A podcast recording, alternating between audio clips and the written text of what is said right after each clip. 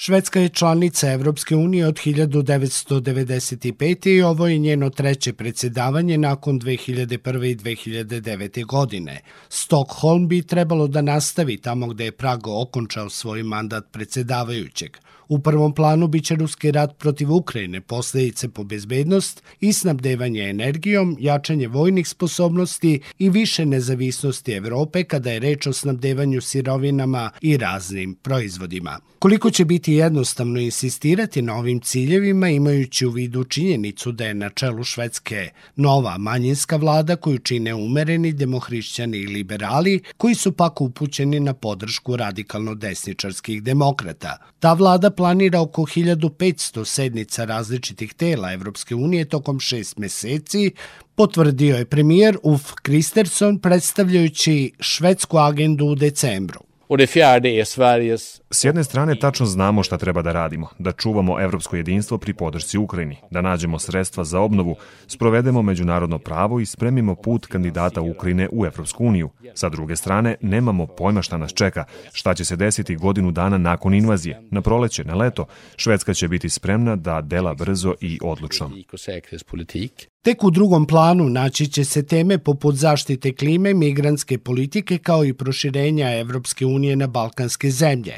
Naime, šef ekstremne demokratske stranke Jimmy Akeson, koji je osvojio 20% glasova na izborima, negira klimatske promjene, protivi se prijemu migranata i uopšte Evropsku uniju vidi kao izvor sveg zla – čime se deklarisao kao partner evropske desnice, odnosno vladama Mađarske, Poljske i Italije. Vi har länge drivit frågan om... Eh, ima puno toga da se uradi. Švedska ima skoro svakodnevne pucnjeve, neuspelu migracijonu politiku i visoke cene. Sada, međutim, postoji nada za Švedsku i počinjemo da radimo na tome da Švedska odmah ponovo bude dobra. Nakon izbora moramo se fokusirati na švedske građane, a ne više na druge zemlje. Bivšeg diplomatu i političkog analitičara Zorana Milivojevića Milivojevića za početak pitamo, ukoliko će ovaj mandat obeležiti rat u Ukrajini, šta znači slogan zelenije, sigurnije i slobodnije, odnosno insistiranje na sigurnosti i jedinstvu u Evropskoj uniji, konkurentnosti, zelenoj energetskoj tranziciji, demokratskim vrednostima i vladavini prava. Ulazimo u jedan period koji je i dalje neizvesan, koji je i dalje težak, jer smo godinu završili sa konstatacijom da se rat nastavlja, da se on na neki način i produbljuje, a da sukobljene strane još nisu realizovale svoje ratne ciljeve, tako da u narednim, narednom periodu nas čekaju i dalje sve one teškoće i svi oni problemi sa kojima smo bili suočeni. Evropa naravno na prvom mestu, Evropska unija svakako na prvom mestu, imajući u vidu da je u potpunosti, dakle u celini u političkom i u ekonomskom i u svakom drugom smislu integrisana u ratni sukob, iako nije direktni učesnik, ali e, činjenicom da se Vašington tu jasno opredelio i da Evropa i Vašington deluju na istim pozicijama, to znači da Evropsku uniju u narednom periodu čeka prvo i glavno pitanje, a to je Ukrajina, ukrajinski rat i njegove posledice. Insistiram na posledicama zato što su posledice postale ključni problem e, u daljem, ako hoćete, funkcionisanju Evropske unije, posledice koje se tiču ekonomske politike, koje se tiču socijalne politike, koje se tiču e, imigrantske politike, dakle sve ono što opterećuje Uniju već unazad, ja bih rekao sve od 2008. od krize eurozone i od 2015. od krize sa izbjeglicama. Milivojevića podsjećamo da je sam premijer Švedske Ulf Kristersson poručio da će čuvati evropsko jedinstvo pri podršci Ukrajini, a to, kako je rekao, podrazumeva pronalaženje sredstava za obnovu, sprovođenje međunarodnog prava i priprema puta kandidata Ukrajine u Evropsku uniju. Odmah da vam kažem, kad se govori o ovom jedinstvu, to je na liniji onoga što je postignuto e, vezano za rat u Ukrajini, e, ono što je, ja bih rekao, Washington na neki način nametnuo i nešto što je sada ključni element transatlantske zajednice i njene budućnosti. Pokušaj da se to jedinstvo održi po svaku cenu bez obzira na probleme koje postoje na unutrašnjem planu. To je prva stvar. Druga stvar da preko tog jedinstva se apsorbuju problemi sa kojima je suočena Evropska unija i njeno funkcionisanje. Dakle, potreba institucionalnih reformi i sve ono što Evropsku uniju čeka u nekom trenutku, da li sad ili kasnije, ali u svakom slučaju. Dakle, to, to je u prvom planu i to će ostati u prvom planu. E sad, saniranje, da tako kažem, posledica rata vezano za Ukrajinu, njen pristup Evropskoj uniji i tako dalje. Ja moram da kažem da, da su to ipak nerealna očekivanja. Ja prvo, prvo mislim da pitanje uopšte proširenja Evropske unije nije definisano, bez obzira na, na to što se o tome priča, ali ne, u, u suštini ne postoji konsenzus u Evropskoj uniji oko dalje politike proširenja. Prema tome, to nije, to je tema koja se sada na neki način proklamuje kao kao suštinska kao nešto što što ima perspektivu iz čisto geo, geopolitičkih geostrateških razloga. Inače u, u suštinskom smislu mislim da da malo ima izgleda da se mi vratimo na politiku proširenja u dogledno vreme.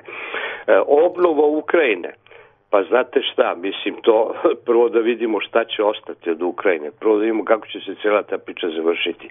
Mi više ne možemo, kako god se taj rad završio, da govorimo o Ukrajini koju smo poznavali pre, kao o, o državi koja je suverena, koja ima jasnu teritoriju i granice i tako dalje. Tako da mi ne znamo kako će se to završiti. Vojske će odrediti buduće granice. Drugo, da vidimo kako će Evropa izgledati uopšte. Mislim, u trenutku kad to stane, da vidimo kako će Evropa izgledati i šta ćemo u Evropi imati u tom trenutku. Ekstremna demokratska stranka Švedske, na čijem je čelu Jimmy Akison, bliža je desničarskim vlastima Mađarske i Italije nego liberalnoj politici Evropske unije. Bar zbog toga Milivojevića pitamo da li to znači da će Akison pokušati po svaku cenu da usujeti svaki pokušaj Švedske da u Briselu povede postupke zbog povrede principa Evropske unije protiv Mađarske ili recimo Poljske. Švedska će to odrađivati u jednom tehničkom e, smislu, prosto da to funkcioniše, a sve ostaje u rukama centrale u Briselu, ostaje, ja bih rekao, u rukama komisije koja drži određeni tempo. E, tu su naravno Nemačka i Francuska i taj tandem koji na neki način sada vodi glavnu reč, pre svega Nemačka i to će u stvari biti e, predsedavanje Švedske dakle, e, u njenom mandatu. Drugo, treba imati u vidu da je ovo zadnja godina postojeće političke strukture i administracije Europske unije. Njih naproleće čekaju izbori.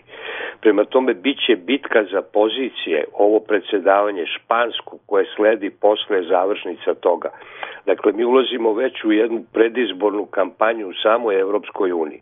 Tako da, da, da će i to što imamo u Švedskoj, Dakle, i taj konglomerat stranaka i tu podršku desnice koja, koja je za švedsku unutrašnju scenu u ovom trenutku bitna zbog njenog političkog, ako hoćete, i delovanja i, i, opstanka, to će se naravno odraziti i na mogućnosti njenog delovanja kao predsedavajućeg u nekom smislu da ona može da odlučuje i da može da, da nameće e, nekakav svoj model i nekakve, e, nekakve svoje ideje na način koji bi Evropska unija morala da prihvati. E, tako da mislim da njeno predsedavanje ne treba, ne treba tretirati kao nešto što može da bude od posebnog značaja u ovo vreme u, u Europskoj uniji.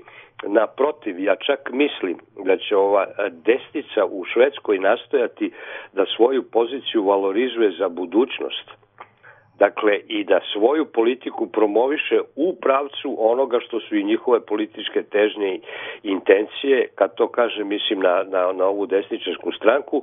I mislim da, da mi u, u periodu švedskog predsedavanja imamo novi unutrašnji pritisak u Evropskoj uniji preko tog suverenističkog bloka koga odražavaju u ovom trenutku Mađarska i Poljska uz podršku s jedne strane Italijana i s druge strane e, ovih desničara u Švedskoj. Za sam kraj Milivojevića pitamo kako će se predsedavanje Švedske odraziti na samu Srbiju, imajući u vidu jednu od njegovih izjava u kojoj konstatuje da je Srbija otišla korak napred i da ima pretpostavke da se taj napredak verifikuje. Ja mislim da na, na planu uh, politike proširenja neće biti nikakvih novosti za vreme švedskog predsedavanja.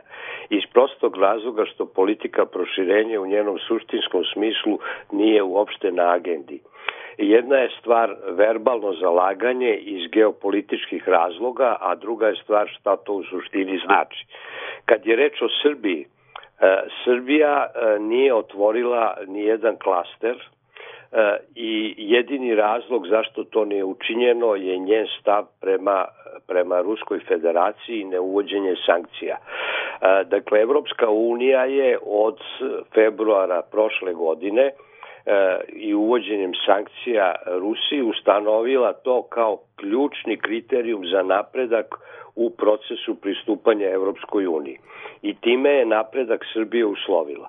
Međutim, Srbija je što se tiče njenih obaveza, e, prema pregovaračkom okviru, prema poglavlju 23 i 24 koja su ključna, dakle vladavini prava, demokratskim institucijama i tako dalje, ustavnim reformama, referendumom u Ustavu, dakle uspešnim izborima i daljom projekcijom e, evropskog puta kao, kao strateškog cilja Srbije ispunila sve ono što je bio njen zadatak u ovom trenutku, u ovom periodu njenih priključnih pregovora. Prema tome ona je imala sve uslove, ima ih i dalje za nastavak tog procesa.